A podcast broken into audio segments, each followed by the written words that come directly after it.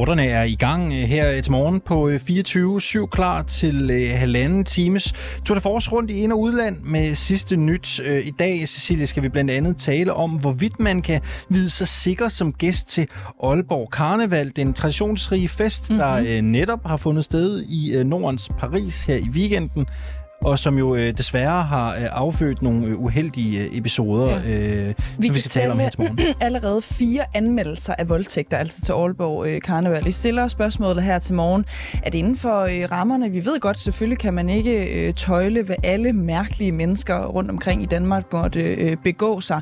Men trods alt er der noget omkring øh, rammerne, sikkerheden, som øh, man kunne gøre noget for at gøre bedre. Ikke? Hvis du øh, stemmer ja til øh, at afskaffe EU-forsvarsforbeholdet i morgen, morgen, er det så ens betydende med, at vi også siger ja til at få en stor fælles europæisk hær?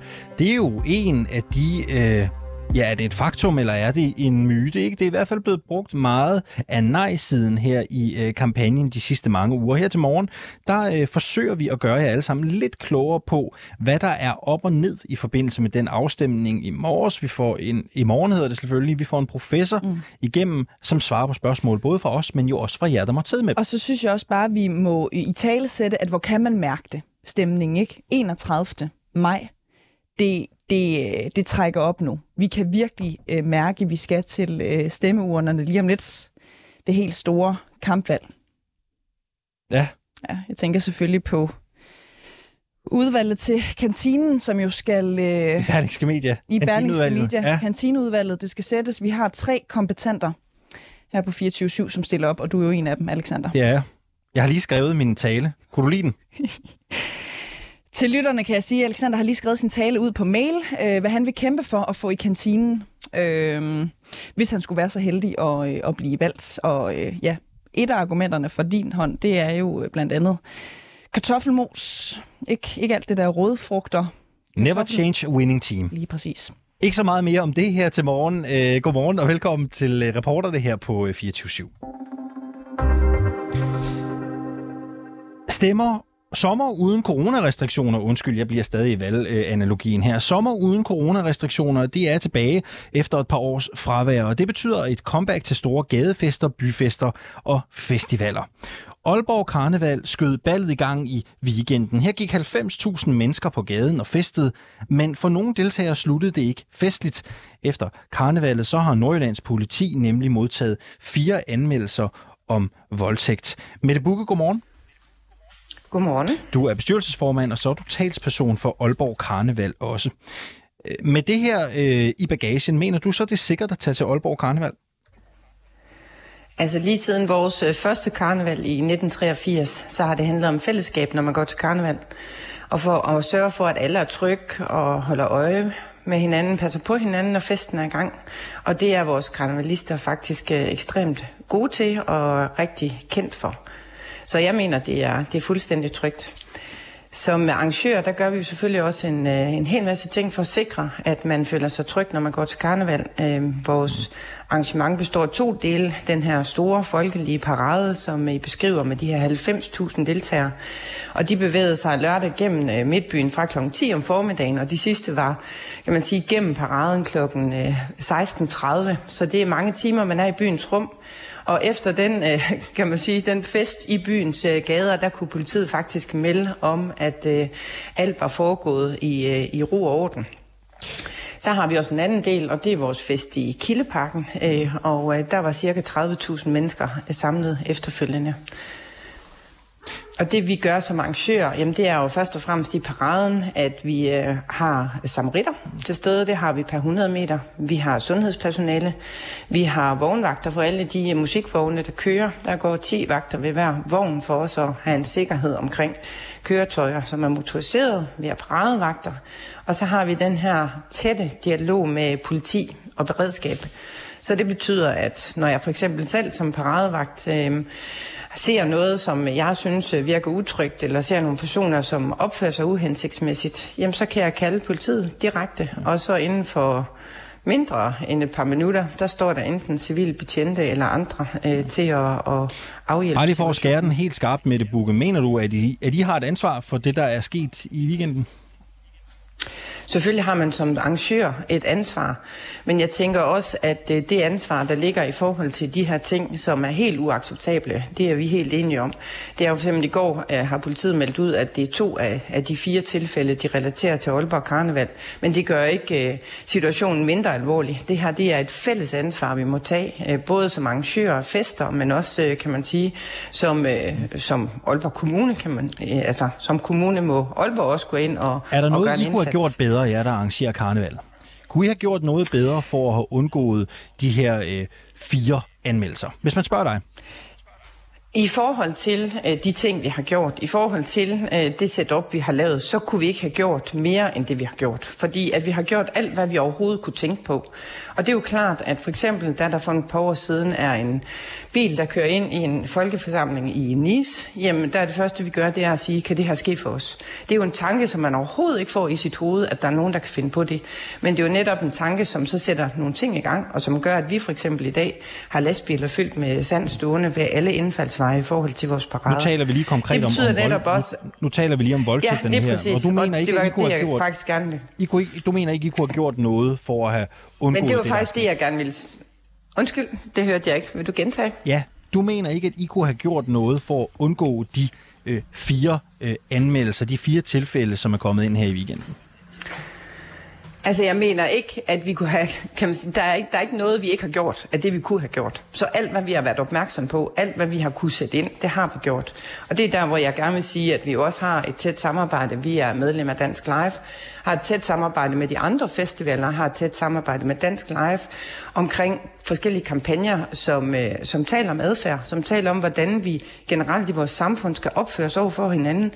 At der er... Øh, fokus på, at vi kan, kan man holde fest, og at vi kan lytte til musik uden øh, stoffer og alkohol, øh, i hvert fald for meget alkohol, øh, og at vi kan gå i byen og føle os øh, tryg, øh, når vi bevæger os i nattelivet, både når vi er til karneval, til festival og i øh, byen generelt. Der er to af de her sager, som er sket under karnevalet. Det skriver øh, Nordjyske øh, blandt andet i går. Øhm, ja. Kan du prøve at fortælle os, hvad gør I for at sikre, at øh, unge kvinder kan færdes trygt øh, til karnevalet, uden at blive øh, antastet eller i det her øh, tilfælde udsat for voldtægt eller voldtægtsforsøg? Hvad gør I konkret for at undgå det? Altså, som jeg siger, så, så møder vi jo talstærkt op. Der er en voksen til stede. Det er et arrangement, der foregår ved højlysdag. Det er et arrangement, hvor vi har øje på, kan man sige, alt hvad der foregår i omkring paraden og i omkring Kildeparken. For hver 100 meter er der som sagt samaritter. Der er masser af, af synlige vagter. Der er masser af synlige, kan man sige, gåsøjne voksne, som man kan henvende sig til. Og det er også det, jeg selv oplever, når jeg så er i og omkring paraden. Det er netop, hvis der er nogen, der føler, øh, at der er for mange mennesker omkring dem, eller nogen, der har brug for, øh, kan man sige, noget hjælp af den ene eller anden slags, som man har skåret sig af foden, eller man føler sig utryg. Det er sådan set lige meget. Men så er vi tæt på, og så er vi der til at håndtere det. Øh, og det er jo også det, vi oplever, når vi sender så mange Men mennesker I har vel ikke, har vel ikke, I har vel ikke været tæt nok på den her gang med? Øhm, det føler vi, vi har. Vi føler i hvert fald, at vi har været til stede, og vi føler, at vi har været til rådighed. Og det er jo klart, når der samles øh, så mange mennesker, så er det klart, og så er det svært at være alle steder. Og når man bevæger sig i byens rum, jamen så, øh, øh, så skal vi selvfølgelig være ekstra opmærksom, og det føler jeg også, at vi er. I har jo fået, øh, der er flere øh, journalister, flere medier, som har øh, interviewet dig, har været kritiske i forhold til, om I er gode nok til at øh, håndtere den her type sager, om det er sikkert nok at komme til karneval. Det gør vi her til morgen, det har øh, den uafhængige blandt andet også gjort. Øh, sådan hånden på hjertet. Synes du egentlig, det er noget pjat, at man går sådan til jer som arrangører, øh, når det i virkeligheden er, øh, er voldtægtsmændenes skyld? Synes du, det er noget øh, øh, pjat? Det er jo igen snakken omkring, kan man sige, de få, der ødelægger det for de mange, og det er jo en kæmpe, kæmpe, øh, kan man sige, fest, vi holder. Men det betyder ikke, at jeg som formand og vi som øh, Karnevalsforening tager det mindre alvorligt. Vi tager det dybt alvorligt. Det, der gør mig tryg, personligt og også som formand i det her, det er det tætte samarbejde, vi har med politiet. Og det er jo netop udmeldinger fra politiet omkring, det her det er uacceptabelt, men det omfang, vi ser i forhold til så stor en fest som Aalborg Karneval, det er ikke bekymrende. Så vi får tilbagemelding fra politiet om, at, vi, at de har en god oplevelse af vores afvikling og en god øh, oplevelse af vores måde at håndtere øh, de her ting på. Og, det er jo ikke det første mig, gang, øh, det er jo ikke første gang, der har været anmeldt voldtægter i forbindelse med Aalborg Karneval. I 2015 var der tre voldtægter og to voldtægtsforsøg, og de efterfølgende år, i 17, 18 og 19, har der været en voldtægtsanmeldelse per karneval. Øhm, kan du godt forstå, hvis der er kvinder, som kan føle sig utrygge ved at deltage i Aalborg Karneval. Med de her tal i mente. Det er der, hvor jeg faktisk tænker, at det her det er mere en samfundsmæssigt problem, fordi at hvis vi kigger på de statistikker, så er det ikke kun Aalborg Karneval, der står over for sådan en udfordring. Ej, så det, er vi faktisk nu, nu, mange de her tal, de her tal er jo, De her tal er jo meget konkrete på jeres arrangement på Aalborg Karneval. Dem, jeg lige, lige nævnte præcis, her. og det så jeg, så, så jeg prøver og det tager igen. vi også... Kan du godt forstå, hvis nogle kvinder er utrygge ved at deltage i Aalborg Karneval, når man læser de her tal? Altså, jeg kan godt forstå, at unge kvinder og kvinder generelt kan være utrygge ved at bevæge sig i nattelivet, når der kan foregå sådan nogle ting. Ja, det kan jeg godt forstå. Men kan du også godt forstå, at de er utrygge ved at komme til jeres arrangement? Ja, selvfølgelig. Vi er ingen undtagelse. Okay. Hvad gør I så nu? i forhold til næste år og de kommende år, for at undgå lignende tilfælde? Altså, vi fastholder selvfølgelig alle de øh, sikkerhedsforbehold, som vi har i forvejen, og for hver år, der går, som jeg siger, så snart vi bliver opmærksom på, om der er noget, vi kan gøre ekstra, så gør vi det. Så vi sætter ind der, hvor vi kan. Vi har et øh, godt samarbejde, som sagt, med Dansk Life, understøtter de kampagner, der er. Så har vi indgået et nyt samarbejde med øh, kultur- og sundhedsforvaltningen i Aalborg, og der har vi i april måned lavet en aftale omkring, at vi skal lave en, en fælles kampagne og en fælles kommunikation omkring øh, sex uden samtykke. Så der håber vi, at vi både, kan man sige, på vegne af Aalborg Karneval, men også på vegne af, af Aalborg Kommune, kan være med til at, øh, at italesætte den her adfærd, og, og også være med til i hvert fald at sikre, øh, at øh, man føler sig mere tryg i, øh, i nattelivet. Mette Bukke, du er bestyrelsesformand og talsperson hos Aalborg øh, Karneval. Øh, tak fordi øh, du var med her til morgen. Bare lige kort til sidst. Øhm, har du selv børn? Ja, det ja. har jeg. Vil du være tryg ved at sende en teenage-datter afsted til Aalborg Karneval næste år? Ja, det vil jeg. Godt. Tak fordi du var med her til morgen. Det var så lidt. I weekenden var det altså Aalborg Karneval. Øh, fire voldtægter kan vi jo øh, fortælle, det her flere andre medier også øh, bragt. Men noget andet, vi lige skal videre til, Alexander, det er jo, at i København, hvor vi står lige nu, der starter Distortion jo. I morgen, hvor altså mere end 100.000 mennesker er, altså forhandler, øh, forvandler undskyld, øh, Københavns øh, gader til øh, udendørs natklubber, kan man måske øh, godt sige.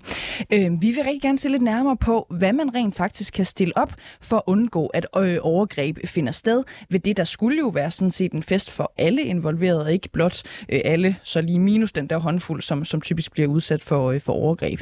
Øh, Flemming Vrit øh, Jensen, godmorgen. Godmorgen. Du er videnskonsulent ved det Kriminalpræventive Råd. Øhm, Flemming Vrit Jensen, er du overrasket over, at vi for eksempel nu ser fire potentielle voldtægter efter et arrangement som Aalborg Karneval for eksempel? Altså sådan i mere generelle termer kan man sige, at øh, det er ikke overraskende, at der kan forekomme seksuelle overgreb i store festlige arrangementer. Vi ved, at øh, en koncentration af mange mennesker øh, kombineret med høje alkoholindtag øh, er forbundet med en øget risiko for grænseoverskridende adfærd og konflikter, der kan eskalere i eventuelt vold. Vi ved også, at omkring 30-40 procent af de seksuelle overgreb har foregået i forbindelse med eller forlængelse af en fest, en bytur, og alkohol er ofte en del af billedet. Så det er ikke overraskende, nej, desværre. Kan man sige, for det synes jeg også tit er noget, man, man diskuterer, at, at, at jo, jo fuldere folk er, jo, jo flere overgreb bliver det begået? Men det, så, så simpelt er det nok ikke, men på et helt overordnet niveau, øh, så kan man sige, så er der en sammenhæng imellem øh, jo mere beruset og, og, og så forskellige typer af, hvad skal man sige, grænseoverskridende adfærd. Det, det typisk, man har set på i nattelivet, er også voldsepisoder, altså simpelthen konflikter, der eskalerer, men det er klart, at seksuelle overgreb kan jo også være en del af det, krænkelser og lignende. Seksuelle overgreb vil dog mange gange også foregå i privaten. Det vil sige, at det starter måske i byen, men, men, men så bevæger sig hjem eller et andet sted. Ikke? Mm. Hvad kan arrangører af de her store arrangementer egentlig gøre for at mindske risikoen for voldtægt? Jamen helt grundlæggende kan man sige, at det er jo selvfølgelig en sikkerhed, det skal være på plads. Og jeg går ud fra, at når man arrangerer store arrangementer, så har man i samarbejde med politiet omkring sikkerheden. Der er et synligt politi og et politi, der er tilgængeligt i, i situationen. Herudover kan man sige, når det er fokus på, at der også er meget alkohol, jamen så er det en god idé også at have fokus på at sikre, at der er let tilgængelige alternativer til alkoholen. Det kan være, at man har et bredt udvalg af ikke-alkoholiske drikke, øh, som kan være billigere at købe.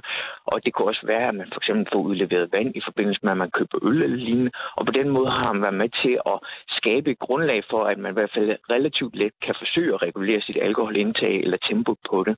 Og lad os prøve bare lige at tage de her ting ja. sådan en af gangen, øh, Flemming Britt øh, Jensen. Ja. Lad os starte med, med det her samarbejde med politiet for eksempel, fordi det hører vi jo også fra Aalborg Karneval. Jamen det har de sådan set. De kan ret hurtigt komme i kontakt med politiet, men jeg tænker også bare, hvordan skal det øh, gøre præventivt, at kvinder ikke bliver voldtaget i første omgang? Jamen, det er klart, at det vi ved, og i forhold til politiets synlighed for eksempel, og det er igen i forhold til volden, det er, at øh, jamen, det, at politiet er til stede på i situationer i natteliv, for eksempel, hvor der er størst risiko for, at konflikter eskalerer til vold på gaden eller om, u, øh, omkring øh, udskændingssteder, jamen det ved vi, at der er dokumentation for, at det kan godt reducere en smule vold. Mm-hmm. Det der er, det er, at volden den har jo en tendens til at eskalere på gaden. Den er synlig, når det sker, og politiet de kan derfor se det, og de kan gribe ind. Det, der er udfordringen med seksuelle overgreb, det er, at det er jo sjældent, det foregår fuldstændig i det åbenlyse og, og, og, og midt på en plads eller noget andet. Det kan ske, men det er sjældent, det er sådan, det sker. Og derfor så øh, handler det også om, at man skal ligesom prøve at spotte allerede inden der er noget, der er der, der bliver tit seksuelt overgreb, hvor en person måske er blevet afledt lidt i mere isolation, og så prøve at se, om er det noget, man kan spotte inden, og så gribe ind, således at sådan en situation ikke opstår. Mm. Nu og hører her... vi jo for eksempel også, der er der så mange, så har de nogle øh, samarbejde med samaritter og, og forskellige andre. Er de gearet til, er de rustet til lige at spotte, når man hov, der går der en voldtægtsforbryder derovre?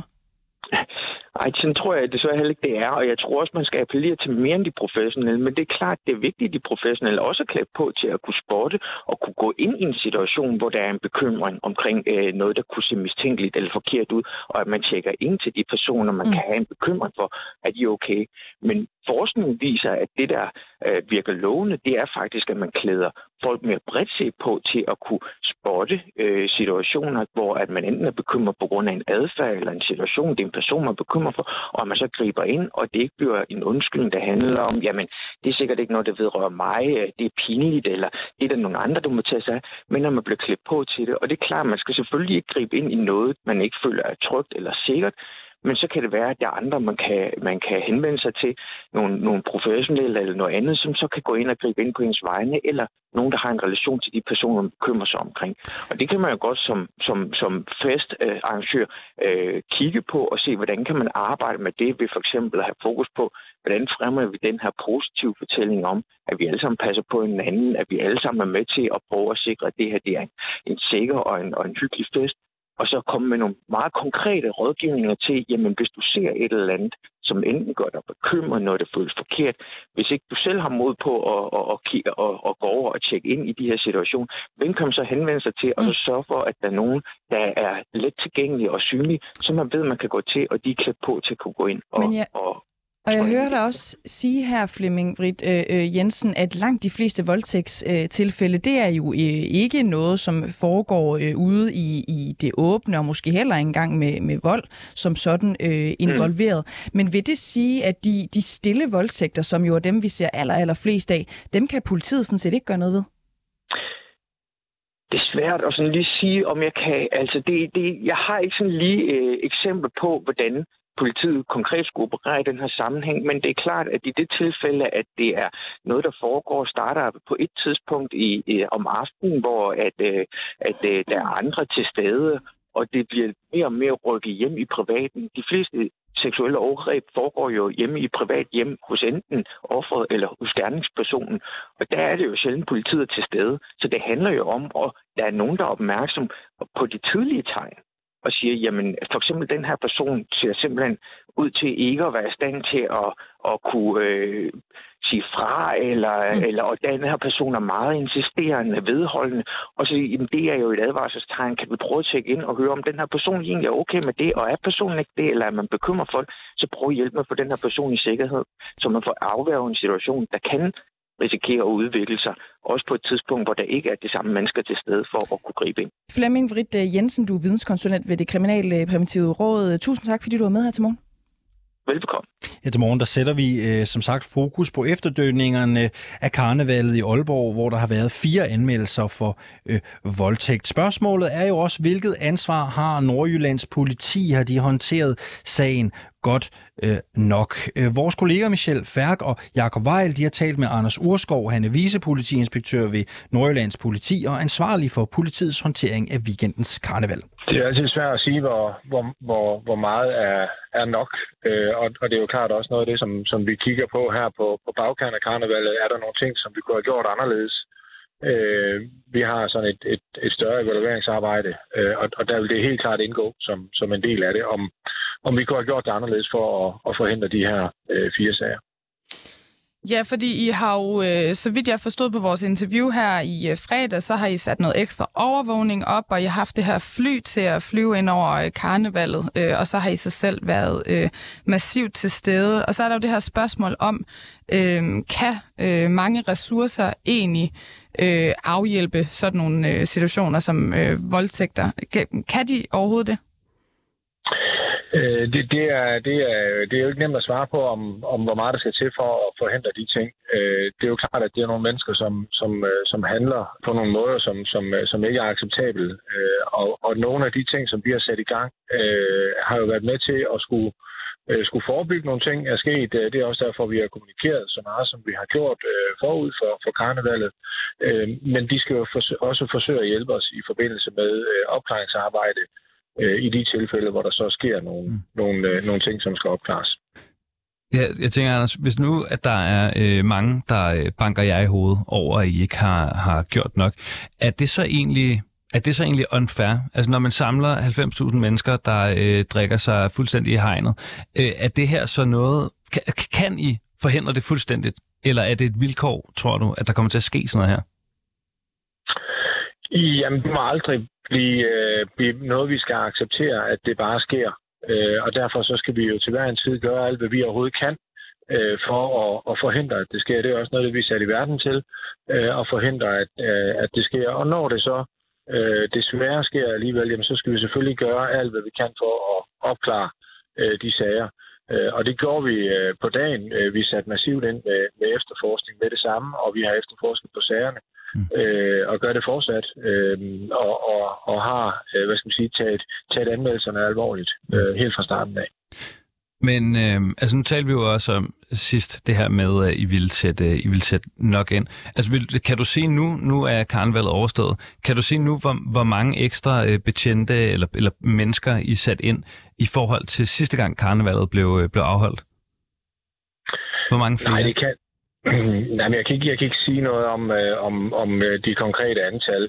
Øh, vi har forsøgt øh, før karnevalet at, at, at, at gøre nogle ting for at forebygge, at der skulle ske øh, kriminalitet og, og prøve at advare folk om, hvad det er, der kan ske, øh, når man er til karneval, øh, og, og hvordan man forsøger at, at undgå, at der sker ting. Men, men, Anders, men, men de konkrete tal, øh, det, det kan jeg ikke komme ind på. Men det heller, altså det er jo, jeg, jeg, jo, jeg tror alle er jo også sikre på, at I, I vil gøre alt i jeres magt for at forhindre, at der kommer til at ske nogen noget. Det, det, det, det, er jo, det tænker jeg solklart. Øhm, men det er jo, kan du ikke også godt se, det, det bliver lidt en gratis omgang, at man bare kan sige, at vi sætter mere ind, men man ikke kan sige, hvor meget, fordi så ved vi jo vidt ikke, om, om det er rigtigt.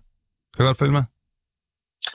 Ja, men jeg, øh, jeg, jeg, det, det, det, er, det er muligt, men, men, men, øh, men, men vi, vi går ikke ud og fortæller øh, til, til de indsatser, som vi laver, hvor, hvor mange øh, medarbejdere vi, øh, vi sætter på. Vi laver hele tiden, som jeg også sagde i fredags, en vurdering af, øh, hvad vi tror er, er, er nok til at, at løse de opgaver, som vi får på dagen.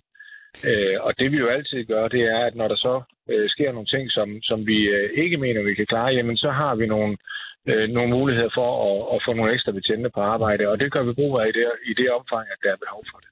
Jeg, jeg er simpelthen så ked af, at vi blev ved med at grave i det her, for vi gjorde det jo også i fredags, men jeg, jeg er bare stadigvæk ret nysgerrig på, hvad det egentlig er, der gør, at man øh, i en politikreds ikke kan gå ud og sige, hvor meget man sætter ind. Altså, hvad er, hvad er, hvad er problemet med det?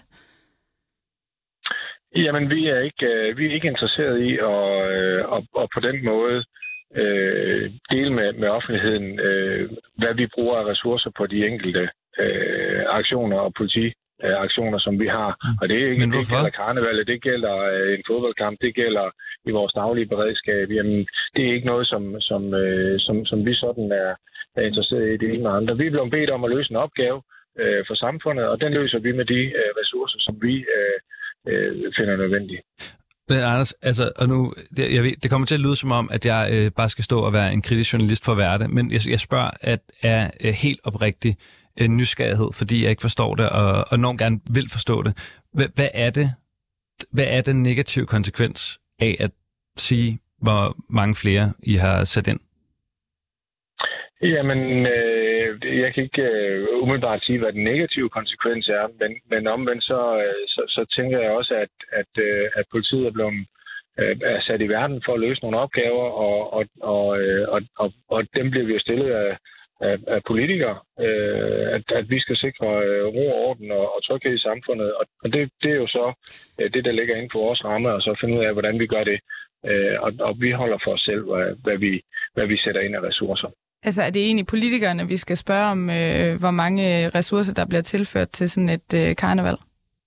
Det tror jeg nu, øh, det, det skal jeg lade være op til jer, om I Okay. vil spørge dem om. Ja. Det sagde Anders Urskov, der altså er vicepolitiinspektør ved Nordjyllands politi, da han blev spurgt til politiets håndtering af weekendens karneval, og han blev interviewet af Jakob Weil og Michelle Færk. De var døgnrapporten, og ja. Ja. det kan man høre øh, hver eftermiddag her på 24-7. Det kan man mellem klokken 15 og klokken 16. Alexander, da Tivoli for godt og vel øh, to måneder siden lancerede deres øh, program for fredagsrock-arrangementer her over øh, sommeren, ikke? så virkede det for mange måske til, at de havde glemt de kvindelige kunstnere en lille smule. Hmm. I hvert fald så var det kun øh, syv kvinder blandt de 34 inviterede kunstnere, altså som var kvinder, og ikke noget andet end kvinder. Tivoli forklarede dengang, at det var de muliges kunst at få kvinder på programmet. Okay. Hvad tænker du sådan lige umiddelbart om det? Aner det ikke. Tror du, er, er det sådan, du går og tænker, at "Au, der er ikke særlig mange kvindelige artister i Danmark, man lige kunne invitere? Nej, det, det, det tænker jeg ikke, men det kan være, at de lønner dårligt, eller man ikke vil, eller jeg, jeg ved det ikke. Nej, du kunne godt... Øh... Jeg, jeg, jeg, jeg, jeg tænker ikke nødvendigvis øh, i skoene, at de ikke vil have dem.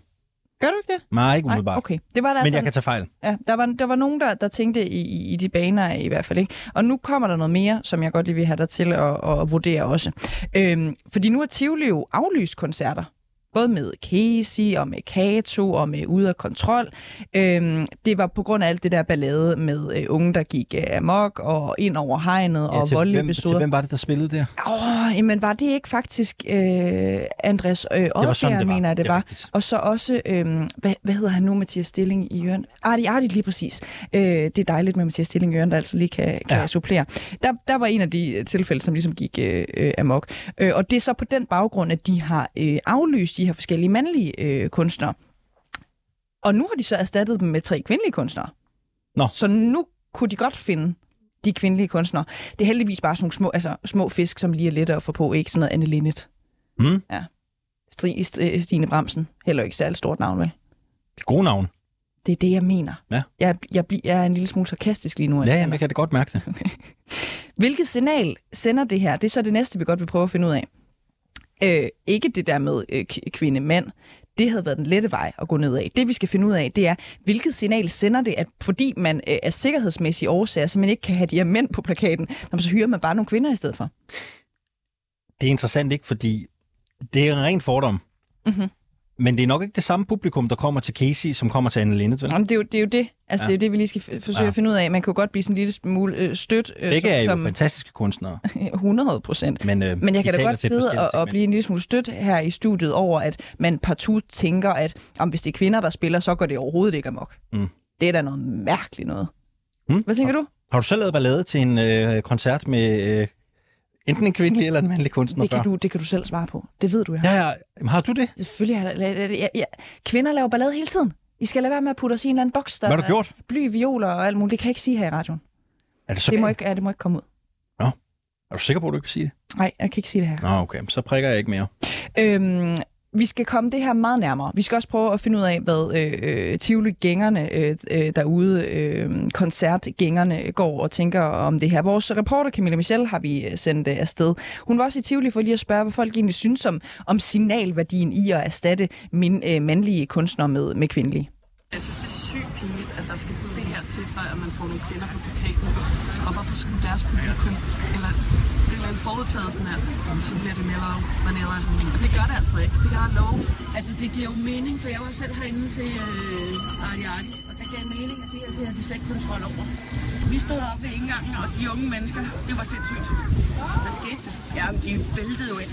Altså, de var, det var bare sindssygt. Der var en, der hældte vodka på min sko. Fjollet øh, gør det ud fra køn og genre, at det er sådan, man aflyser, og det er sådan, man hyrer folk. Så lapper vi lige med nogle kvinder, ellers, som skulle have været på plakaten fra starten af måske. Øh. Ja, så hyrer vi nogle bløde øh, kvinder ind i stedet for, ikke? Eller sådan, det bliver ellers bare meget af nogle artisters publikum øh, putter dem i en kasse, som hedder I er for voldelige til at være her, hvor det måske i virkeligheden også handler om, at det skulle have været sat nogle lidt andre rammer øh, for en sikker koncertoplevelse. Måske skulle man også lige snakke lidt med forældrene om at gå ind med jeres børn.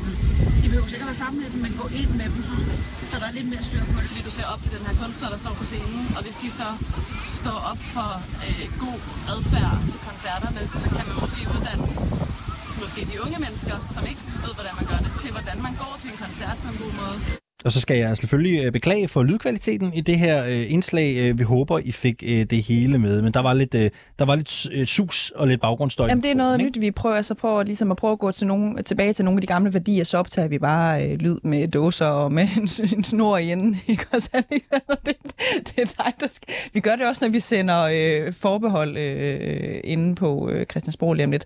Så vi... vi også bare med dåser og snore og sådan noget. Vi har fået nogle henvendelser på Facebook. Øh, lad os lige prøve Skal at vi lige, inden vi tager dem, Alexander, lige øh, opfordre til at, at sms'e øh, ind? Hvilke signal sender det her? Er det i orden, at man bare øh, på bagkant bytter øh, mandlige kunstnere ud med, med de kvindelige? Sender sms, sms hedder det, ind på 92 45 99 45. I må også gerne forholde jer til, øh, er kvindelige artister lige med mindre kaos? Meget mm. godt spørgsmål, synes jeg selv. Vi har fået nogle henvendelser, Cecilie. Ja. Lad os lige prøve at tage et... Øh, par øh, stykker. Nick Jensen skriver, det er sjovt, den ældste kvinde i klippet øh, lader til, egentlig sjovt, at Nick kan vurdere, hvem af dem der er ældst. Det er sjovt, at den ældste kvinde i klippet øh, lader til at være den eneste, der forstår, at der er forskel på kvinder og mænd. Alle de unge kvinder anerkender ikke den forskel, selvom den er tydelig. Og flere af dem siger, man skal da ikke vælge folk ud fra køn. Lad os se, hvor mange af dem, der støtter kvindekvoter i bestyrelser hyklere. Det er lidt, jo et lidt andet øh, stunt. Det er en lidt anden vej, det går her. Ikke? her ikke? Men altså enig i, at, at unge kvinder forstår egentlig ikke nær så meget som ældre kvinder. Kenneth øh, skriver, wow, så øh, leder man da også bare desperat efter en historie. Den kommentar går til os. Må ikke også Tessa var blevet fjernet, hvis hun havde været på plakaten i år? Nu er der bare ikke så mange kvindelige kunstnere, der er aktuelle i den genre. Mm. Øh, men byd altså endelig ind. Øh, vi er klar til mange flere kommentarer i øh, den her øh, dur øh, til morgen.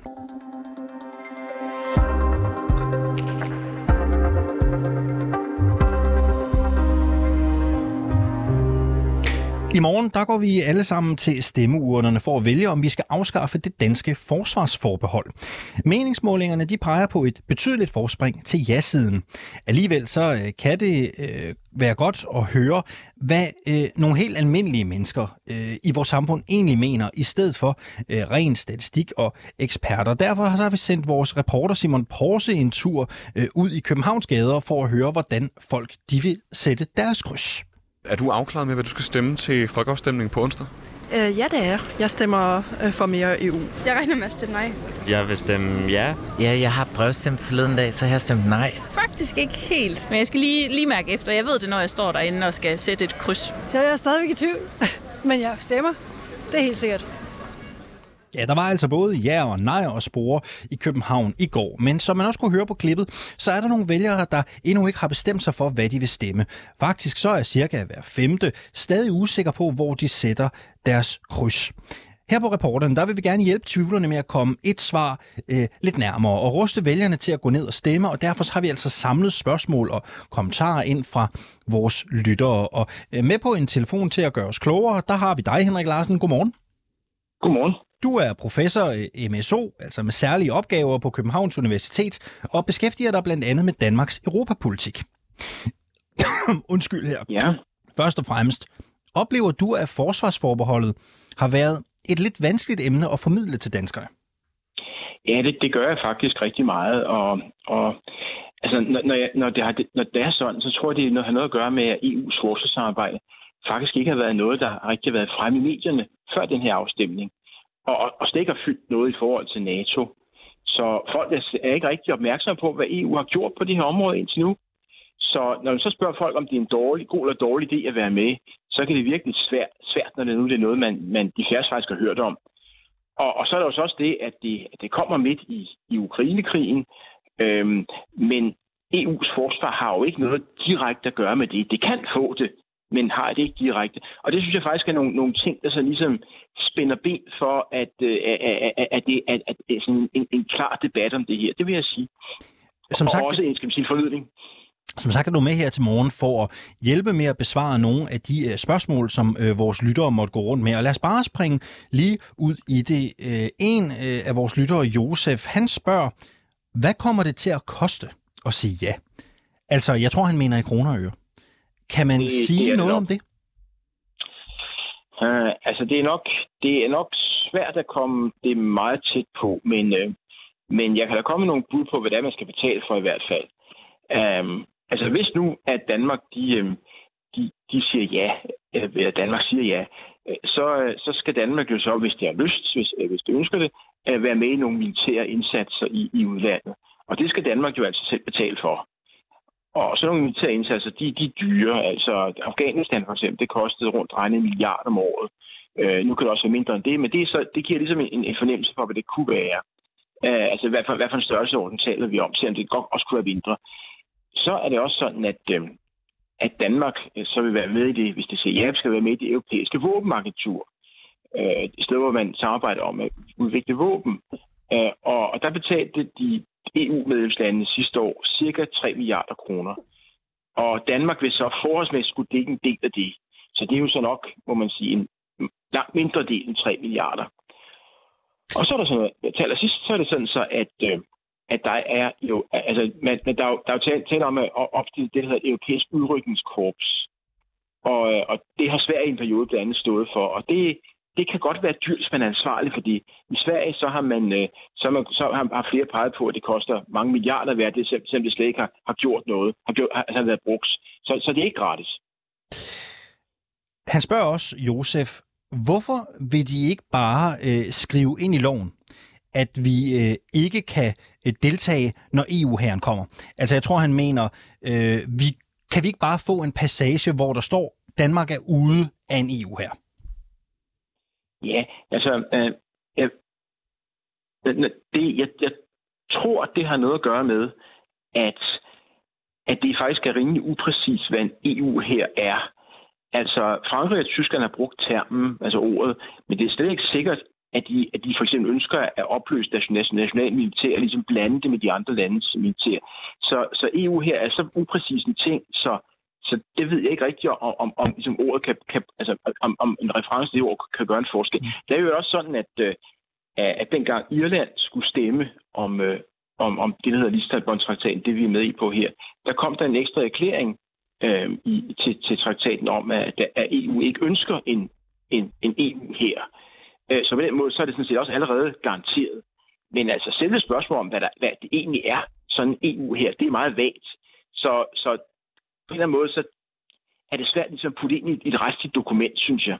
Men, men for lige at blive klogere på det, så det bliver vi videre til nogle af de andre spørgsmål. Er der simpelthen et mismatch mellem den forståelse af EU her, der bliver brugt, når øh, Macron og von der Leyen taler om det, og så eksempelvis når Morten Messerschmidt taler om det? Altså taler de om to forskellige ting?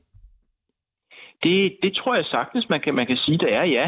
Øhm, altså, på en eller anden måde, så er Macron og von der Leyen, de øh, sigter, uden at være særlig præcis, på noget, der er langt mere integreret i Europa. Og, øh, mens Messerschmidt, som jeg forstår det, øh, i højere grad tænker på noget, hvor danske soldater de, øh, de bliver blandet med andre landes soldater, og, måske, og hvor der måske også er en europæisk øh, øverstbefalende. Øh, så der, ja, så der er faktisk en form for spring her mellem, hvad, hvad man ligesom aktuelt tænker, dem der er for, hvad de kalder EU her, og hvad, hvad mange siger i Danmark. Ja.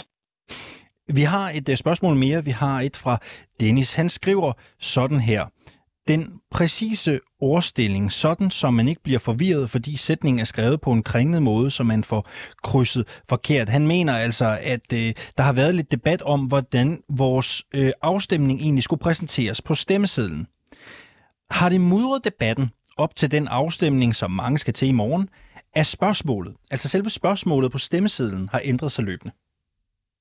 Ja, det, det, det mener jeg, det har, fordi det, det tog jo et godt stykke tid i begyndelsen, hvor, hvor, hvor fra regeringen fremlagde for, det første forslag, og til der så kom en ændring. Og den, den debat, den handlede jo om, hvad det egentlig, skal stemme om, men det handlede jo også om, om der var nogen, der forsøgte at snyde, og i det hele taget jo, øhm, hvad, det hele, hvad det er, hvad det er, der skal stemmes om. Mm. Og, og, og det mudrer jo debatten. Det, det, det må man sige. Altså, og der havde det måske været hensigtsmæssigt, hvis det var sådan, så at alle partierne fra starten havde, havde været enige om, også modstanderpartierne, hvad, hvad det var, der skulle stemmes om. Altså det, det havde gjort det umådeligt meget øh, klarere.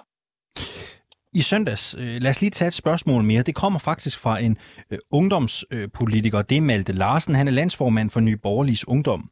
Han skriver følgende på Twitter, og det gør han om den debat, der var på TV2 i søndags. Så får TV2 og ja-partierne hjælp af endnu en såkaldt EU-ekspert til at hælde nej-sidens argumenter ned ad brættet. En demokratisk skandale og lade EU-begejstrede eksperter fremføre deres subtile argumenter for et ja forklædt som neutral ekspertviden om objektive forhold.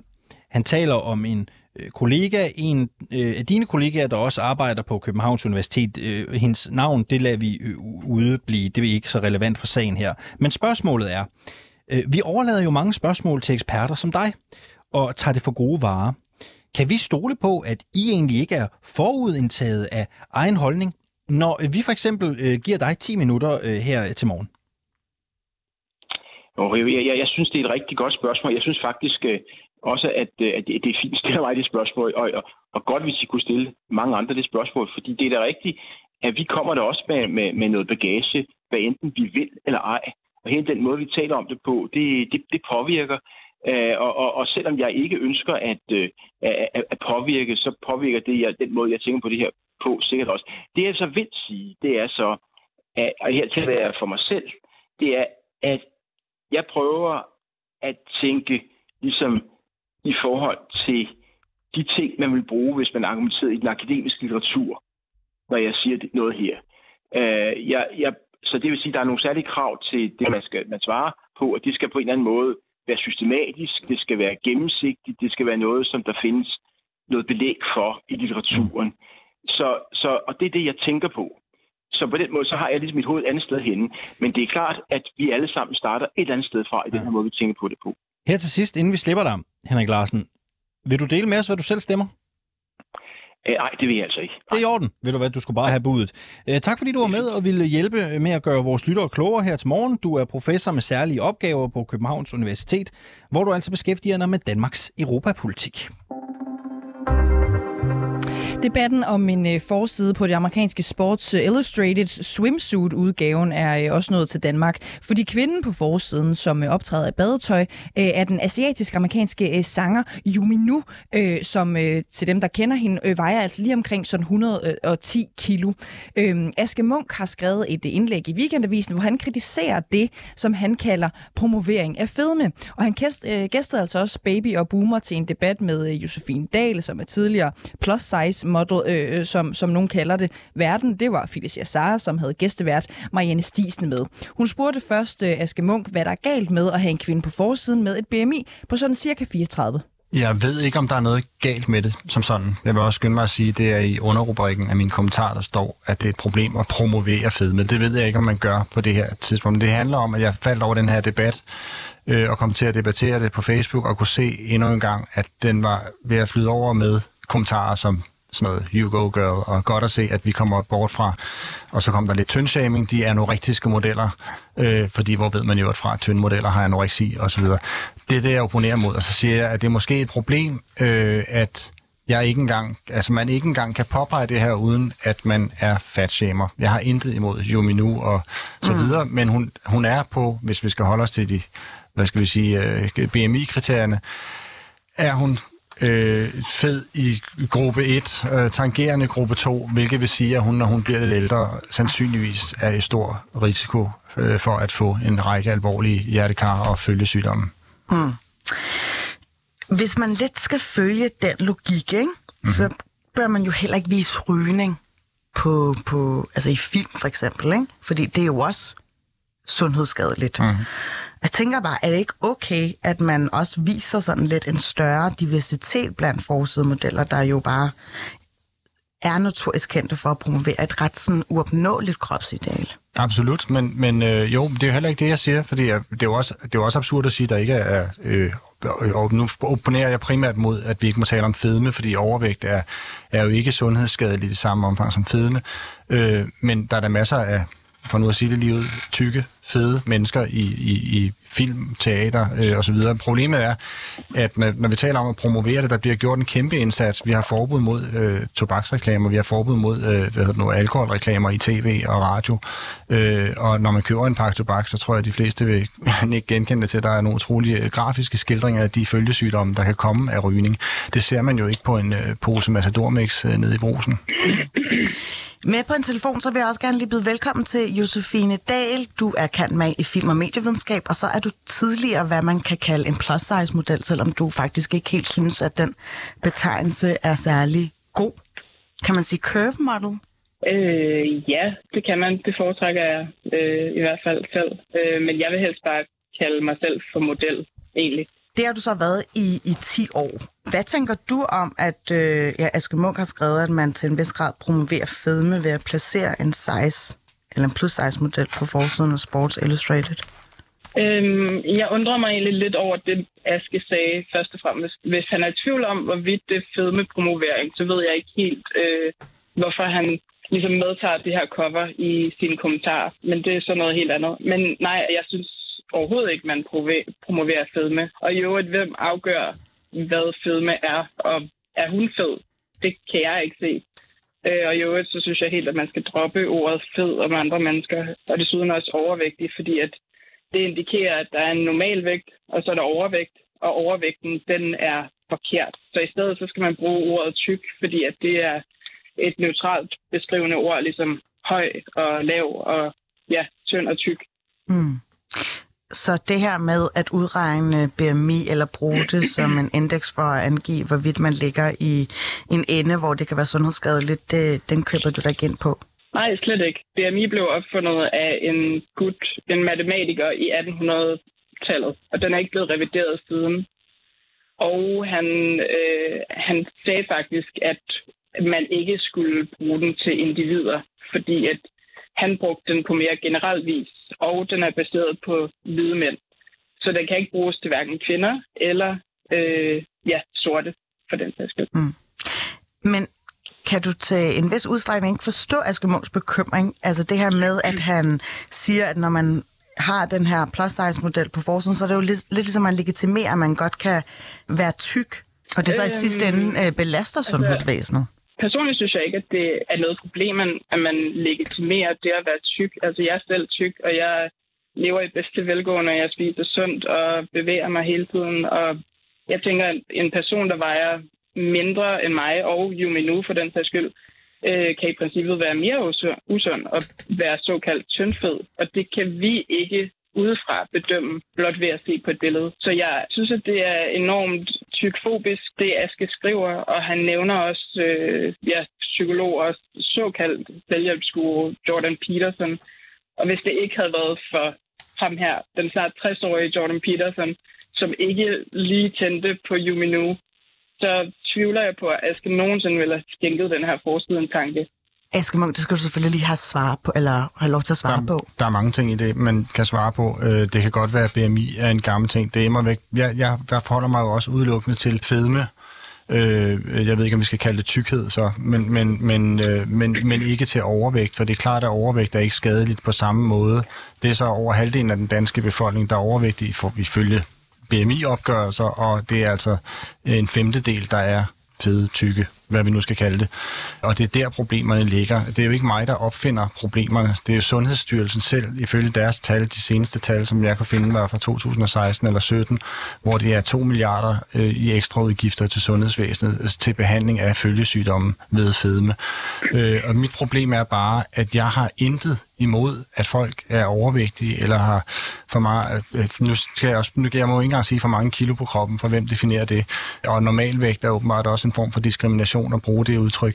Men, men det har jeg intet imod. Jeg går fuldt ind for diversitet, og at man kan have alle de forskellige kroppe, man vil. Jeg synes bare, det er et enormt problem, at det forhindrer en generel debat om folkesundhed, hvor vi kunne finde nogle nye løsninger på det her øh, som er et problem. Det kan vi se på børn, fordi overvægt blandt børn og fede blandt børn er et kolossalt problem. Og hvis først man er fed, når man er, eller tyk, undskyld, når man er barn, så har man altså faktisk stort set umuligt ved at kaste af sig, når man bliver ældre. Og det er et sundhedsproblem. Øh, det kan du ikke få nogen sundhedsfaglige til at sige, det ikke er. Men det må jeg ikke sige, fordi så er jeg tykfob, når jeg påpeger det jeg kunne godt tænke mig, jeg ved ikke, om det er for tidligt, men jeg har egentlig øh, nogle spørgsmål til jer begge to, fordi...